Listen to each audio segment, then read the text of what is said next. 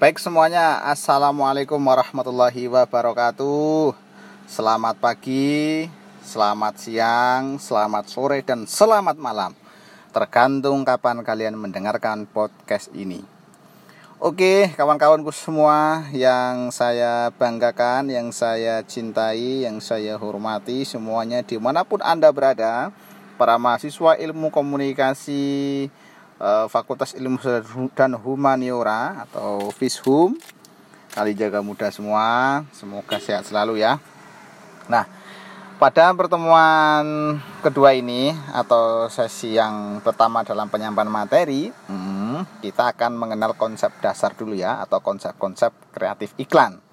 Nah, teman-teman yang pertama sesungguhnya kita harus mengetahui dulu kira-kira iklan itu uh, direncanakan nggak sih? Atau kreatif itu perlu direncanakan nggak sih? Nah kan itu nah itu kita harus merefleksikan dulu tuh pertanyaan-pertanyaan seperti itu.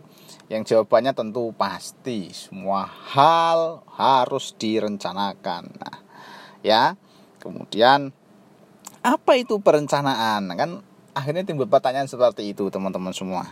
Nah perencanaan ini adalah merupakan bagian dari strategi ya Nah, kreatif juga bagian dari strategi. Jadi, bicara soal perencanaan kreatif iklan, sesungguhnya kita sedang mempersiapkan strategi periklanan dengan jitu. Jadi, eh, dalam manajemen ada yang namanya perencanaan.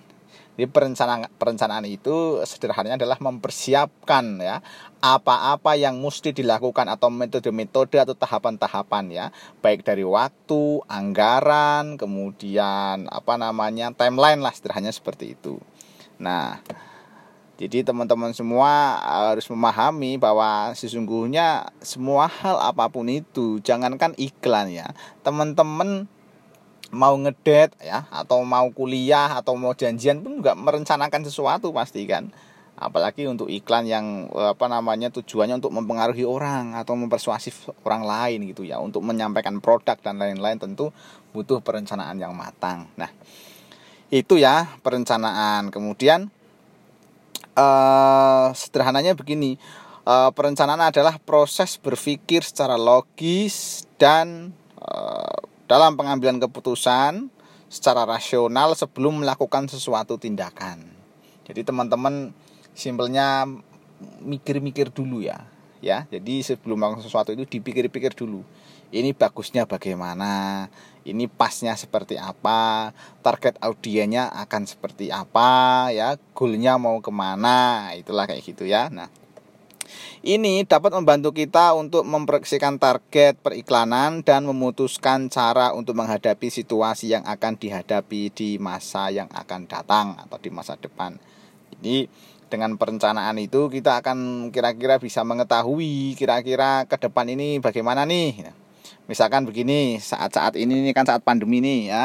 Uh, tentu berbeda nanti ketika merencanakan iklan pasca pandemi. Mungkin saat pandemi ini uh, iklan di billboard ya mungkin tidak efektif itu ya karena orang memang uh, dilarang keluar rumah begitu kan ya. Memang diminta di rumah saja.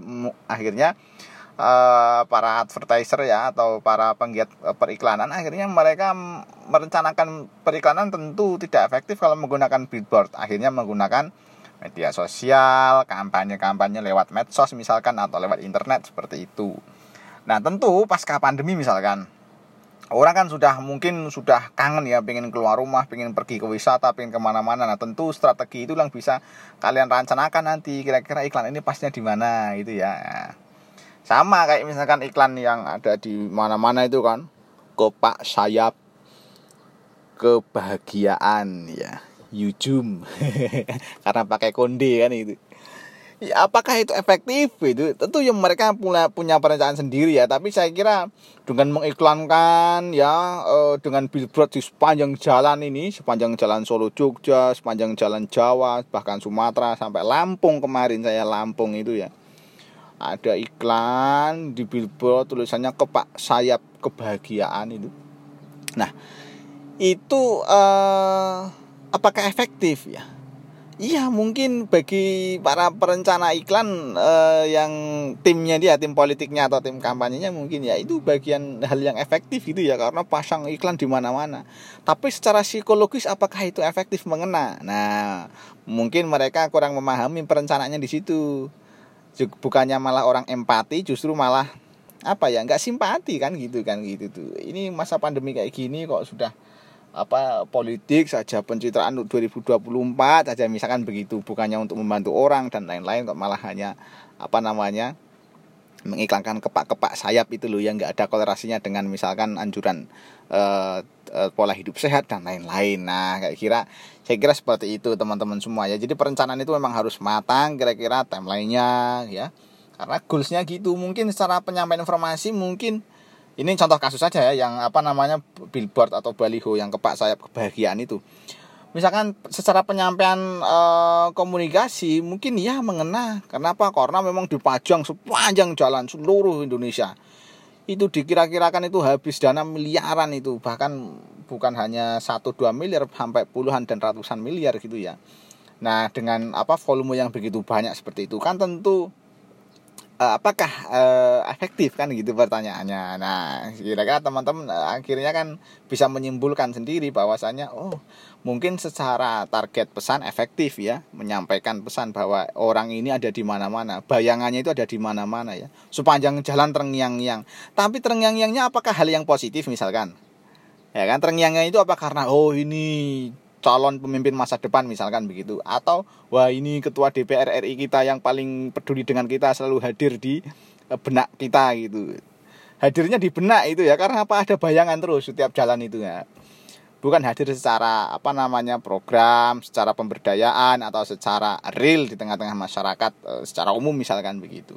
Nah, tentu itulah pentingnya sebuah e, perencanaan ya dalam sebuah iklan gitu, bukan hanya e, merencanakan pesan saja tapi goalsnya apa? Kalau goalsnya ternyata melenceng dari yang kita harapkan misalkan goalsnya sesungguhnya adalah ingin mencitrakan uh, satu tokoh uh, yang familiar di tengah-tengah masyarakat yang bisa membaur dengan masyarakat gitu-gitu.